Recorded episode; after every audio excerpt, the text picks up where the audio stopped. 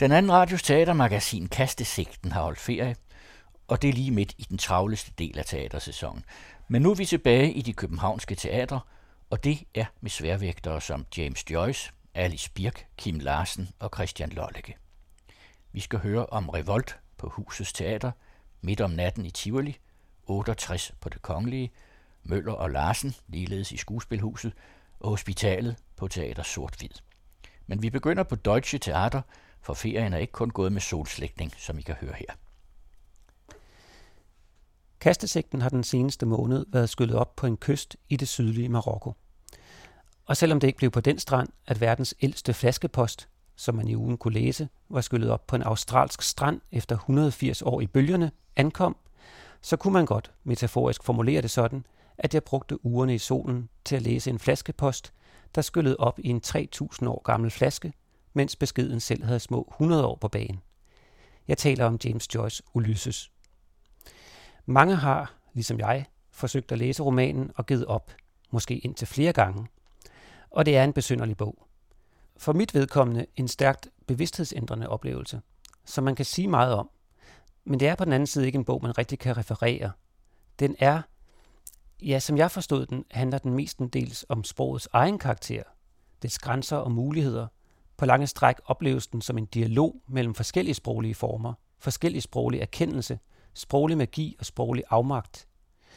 Mange steder forsøger Joyce at bryde ud af sprogets spændetrøje ved at skrive lyde, det man med et fint ord kalder onomatopoetikon, lange konsonantrækker eller vokalkrøller, der visler, sprutter og åbner munden på vidt gab. Det er på en og samme tid en meget introvert og en meget åbenmundet roman. Den udgave af bogen, som jeg læste, havde en meget lang introduktion, der foreslog, at bogens dybeste betydningslag kredsede om en ophævelse af kønnene, et opgør med modsætningen mand-kvinde i et nyt og utopisk androgynt menneske. Det er bare en af et hav af forskellige fortolkninger, men en, som vækkede genklang hos Claus Cæsar på Deutsche Theater, hvor der lige nu går en teaterversion af Ulysses, og derfor også anledning til at tale om den. For den måtte jeg naturligvis se. Hvor sjældent er det ikke, at man lukker en tyk klassiker, og dagen efter har muligheden for at gå ind og se den som teater. Og lige så sjældent er det heldigvis, at jeg rigtig skuffes af et teaterstykke. Men det gjorde jeg her. Jeg synes, Ulysses på Deutsche Theater er totalt mislykket.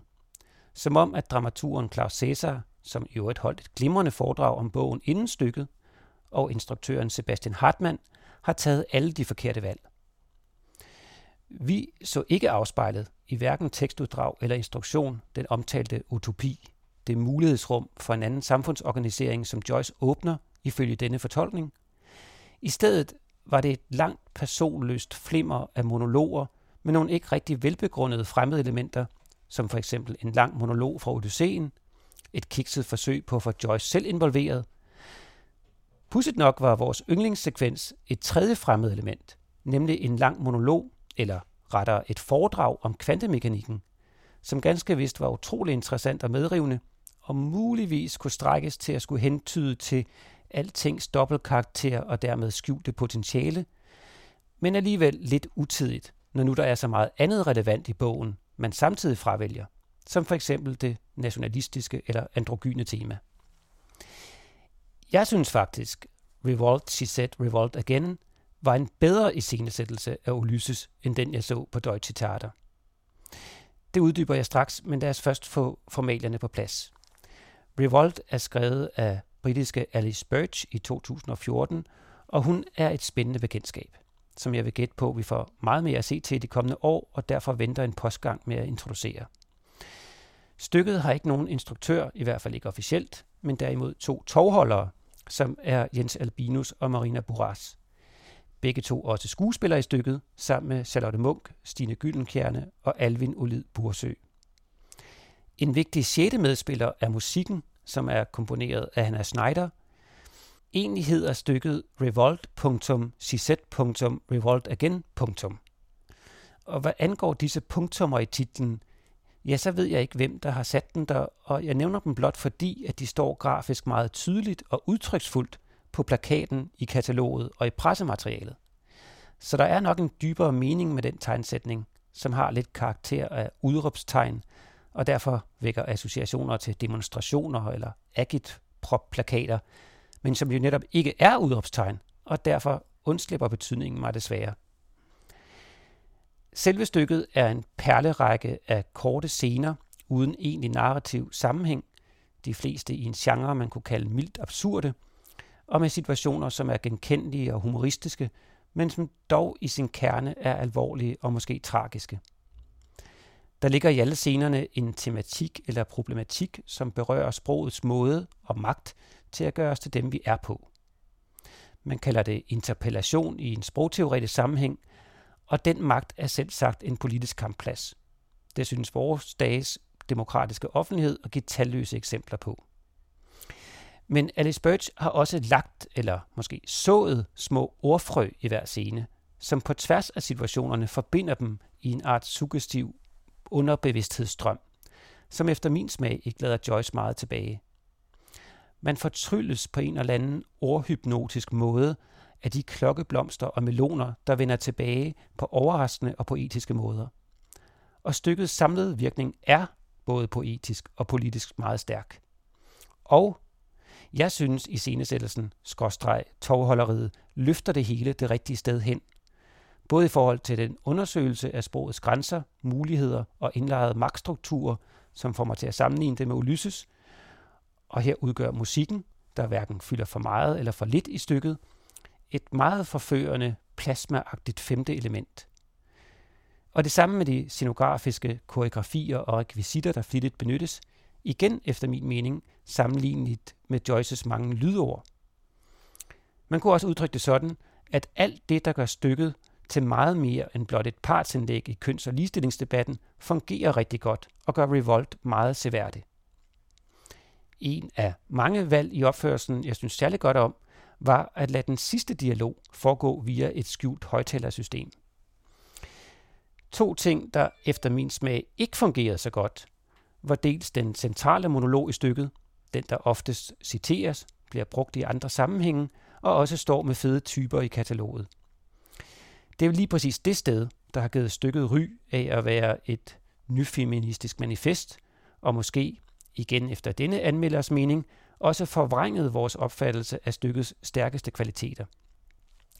Og her havde tovholderne valgt, at den skulle udtales eller væses sært lavmælt med en art passiv-aggressiv intensitet, der for mig at se blev alt for manieret eller affekteret, om man vil. Styrken blev ligesom spillet ud af ordene, og de lød underligt floskelagtige. Nu vel, det kan der være andre meninger om, og det var der den aften, for det fyldte teater både grinede højt under det meste af forestillingen, og klappede, når de var imponeret. Og det er den anden ting. Ja, undskyld mit sure gamle mavesår, men det er jo ikke en musical eller et stand-up show. Og når publikum begynder at klappe midt i et teaterstykke, så forsvinder magien altså lidt. Og helt særligt i et stykke som Revolt, der i forvejen lever den lidt skrøbelige tilværelse af at være brudt op i små scener, hvor man skal være til stede, decifrere og lytte, for at finde de nævnte frø ordspiger i. Og når det lykkes, synes jeg, man får fornemmelsen af en musisk komposition eller en symfoni. Nå, jeg kunne tale længe om stykket og glæden ved at se Jens Albinus og de andre gode skuespilspræstationer på scenen i huset, men vi har som nævnt mange retter på menuen i dette program, så jeg skynder mig videre i Tivoli til snigpremieren på midt om natten. Jeg skal straks sige, at før jeg blev anmelder, havde jeg aldrig set en musical. Og nu, efter at have set tre af slagsen det seneste lille halve år, burde jeg nok holde mig væk. Det er ikke rigtig mig. Men jeg var simpelthen for nysgerrig, da invitationen kom, til ikke at ville lytte med. Og det er da også en spektakulær og meget musik- og billedrig forestilling, holdet bag musicalen har fået stablet på benene, og det skal som end nok også blive en kæmpe publikumssucces. Og jeg kunne da heller ikke undlade at sidde og rokke i stolen og nynne med på Larsens Evergreens, hans magisk banale ordalkemi, og blive bevæget. Og jeg er jo selv midt om natten generationen. Det er mine venner, som Ken Larsen synger om, og som filmen gør lidt godmod grin af. Musicalen har lagt en helt ny metahistorie ned over den gamle historie. Nu sidder Arnold, spillet af Kurt Ravn, som en gammel, affældig, knæven pensionist i sit værelse med lys og med vand, og tænker tilbage på sin ungdom, godt hjulpet på vej af Susan Himmelblås søn, der opsøger ham for at få noget at vide om sin mor. Alle karaktererne er ekstremt karikeret. men det hører vist til genren. Undervejs bliver så ikke bare numrene fra midt om natten, men stort set alle sange, skrevet af Kim Larsen nogensinde, sunget i hele, halve eller kvarte udgaver. Efter min mening lidt for hæsblæsende og grådigt, som om man ikke rigtig hviler i hverken historie eller sangene selv. En slags underholdning på speed. Men som sagt, jeg forstår ikke musicals, og det bliver nok aldrig min kop te, og sådan skal det sikkert være. Jeg tror ikke, jeg vil sige mere om det. Jeg ved ikke, om det er fordi Christian Dollecke og jeg er jævnaldrende, eller fordi vi har samme holdninger, læser samme bøger, hører samme musik, eller ingen af de ovennævnte, men blot fordi han er en stor teaterbegævelse og giver, om ikke alle, så mange flere, den følelse at kunne identificere sig med karaktererne. Men jeg kan høre mig selv tænke, fortvivles og irriteres i monologerne i Lollikes i øvrigt meget forskelligartet persongalleri. I hvert fald kom jeg til at udbryde til min ledsagerske efter premieren på 68, et øjeblik var en anden verden mulig, at det her er sgu ægte teater. Jawohl, det skulle jeg ikke have sagt, for det var lige lidt for patetisk og indgik straks i drillevokabularet, som jeg frygter, jeg ikke slipper af med lige forløbig. Men det jeg mente med min uheldigt formulerede udtalelse var, at stykket havde berørt mig.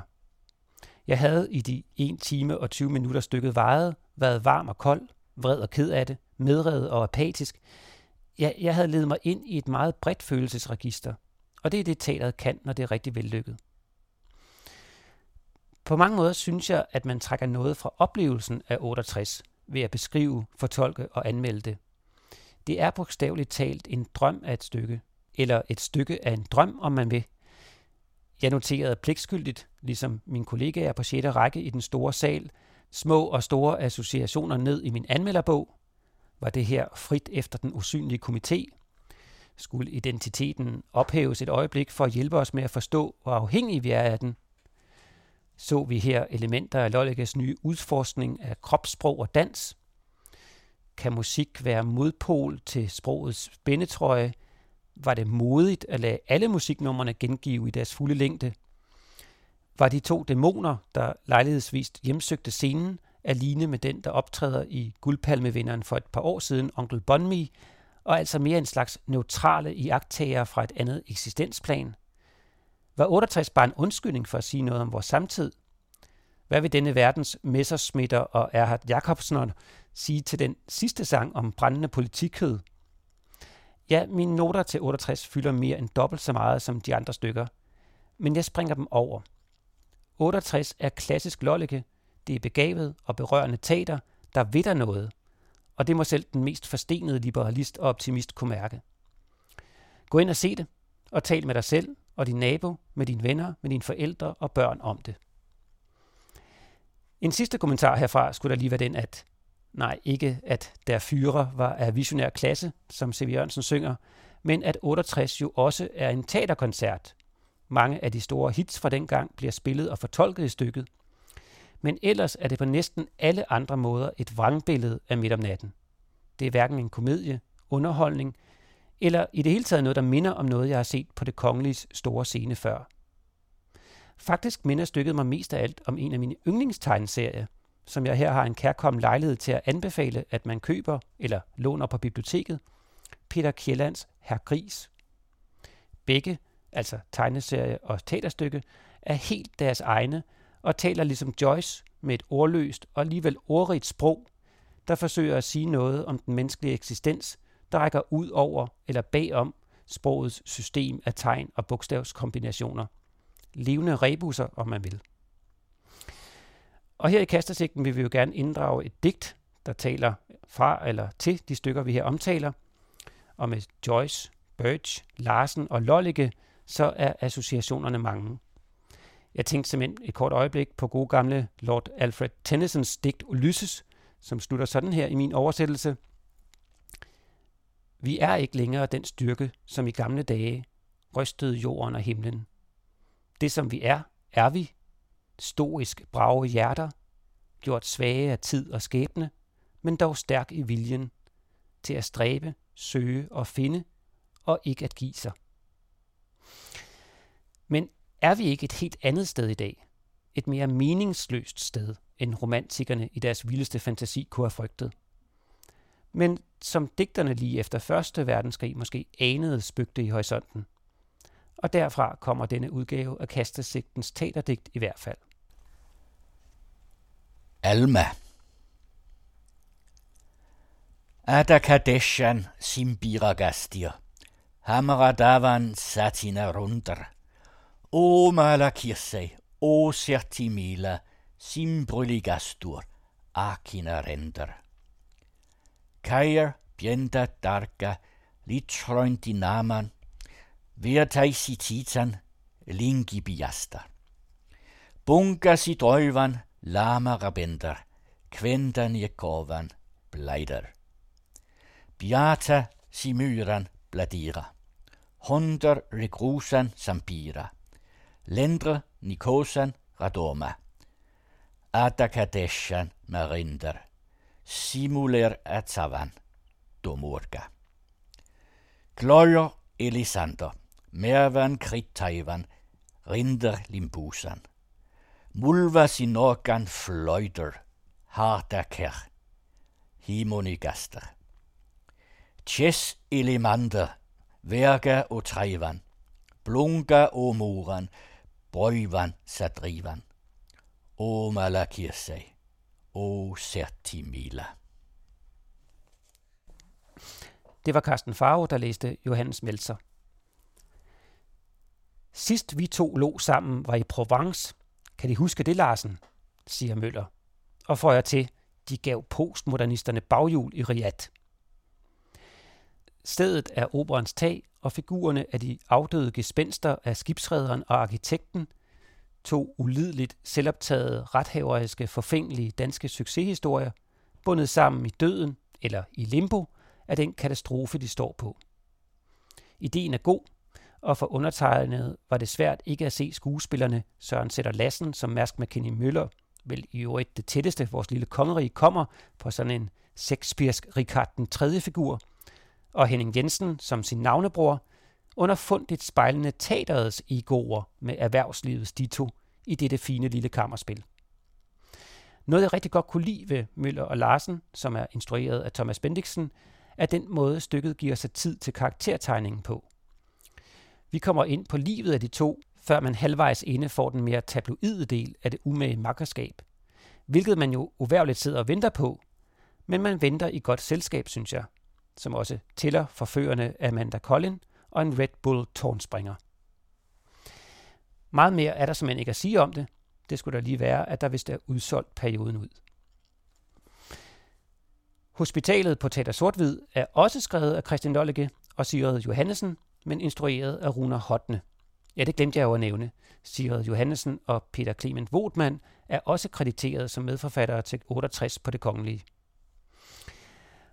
Og ligesom man forestillede sig, at flertallet af publikum til Møller og Larsen var arkitekter, så kan hospitalet nok ikke undgå at blive et tilløbsstykke for hovedstadens indsatte, jeg mener ansatte i sundhedssektoren. Måske var jeg bare taler med, den nåede frem til lørdagens premiere, og derfor ikke helt så modtagelig, som jeg skulle have været, men stykket forekom mig en smule mat, som om at emnets tragikomiske karakter fik sammenhængen til at sætte sig lidt mellem to stole. Men det er stadig Lollike og Johannesen, og det er stadig veloplagt skarp spralsk satire, og hvis man nogensinde har talt med en ven eller bekendt, som er ansat på et hospital, vil man kunne genkende, grine af og ryste på hovedet af den effektiviseringsvirus, der lammer den spontane medmenneskelighed på hospitalerne, og det er der, hvor der måske er allermest brug for den. Undervejs er der nogle meget fine, meget ømme og meget sjove, absurde scener, der bliver spillet af et meget troværdigt ensemble. Ja, alt i alt et meget seværdigt stykke teater med ganske mange kropsvæsker i omløb. Ved I, hvad jeg savner på de danske teaterscener? Et klassisk opført stykke med skiftende scener og kulisser, hvor man starter i soveværelset, følger med i stuen og finder kartasis i Rosenhaven. Jeg kan simpelthen ikke huske, hvornår jeg sidst så et stykke i København, der gjorde brug af kulisser, der blev skiftet ud. Er det blevet sparet væk, eller er det bare tidens scenesprog? Jeg ved det ikke, men nu har jeg købt billetter til Maxim Gorkis sommergæster og håber på lidt konservatisme i opførselen. Der er flere premierer, jeg ikke har omtalt her. Måske når vi det næste gang. Måske kan I selv tage forskud og gå ind og se noget af det. Underkastelse på Betty for eksempel. Så kan vi sammenligne noter, når vi høres ved næste gang. I kan finde spilledatoer og links til de omtalte stykker på den anden radios hjemmeside. Tak for denne gang. Det var Rasmus Blædel Larsen, der havde været i teatret.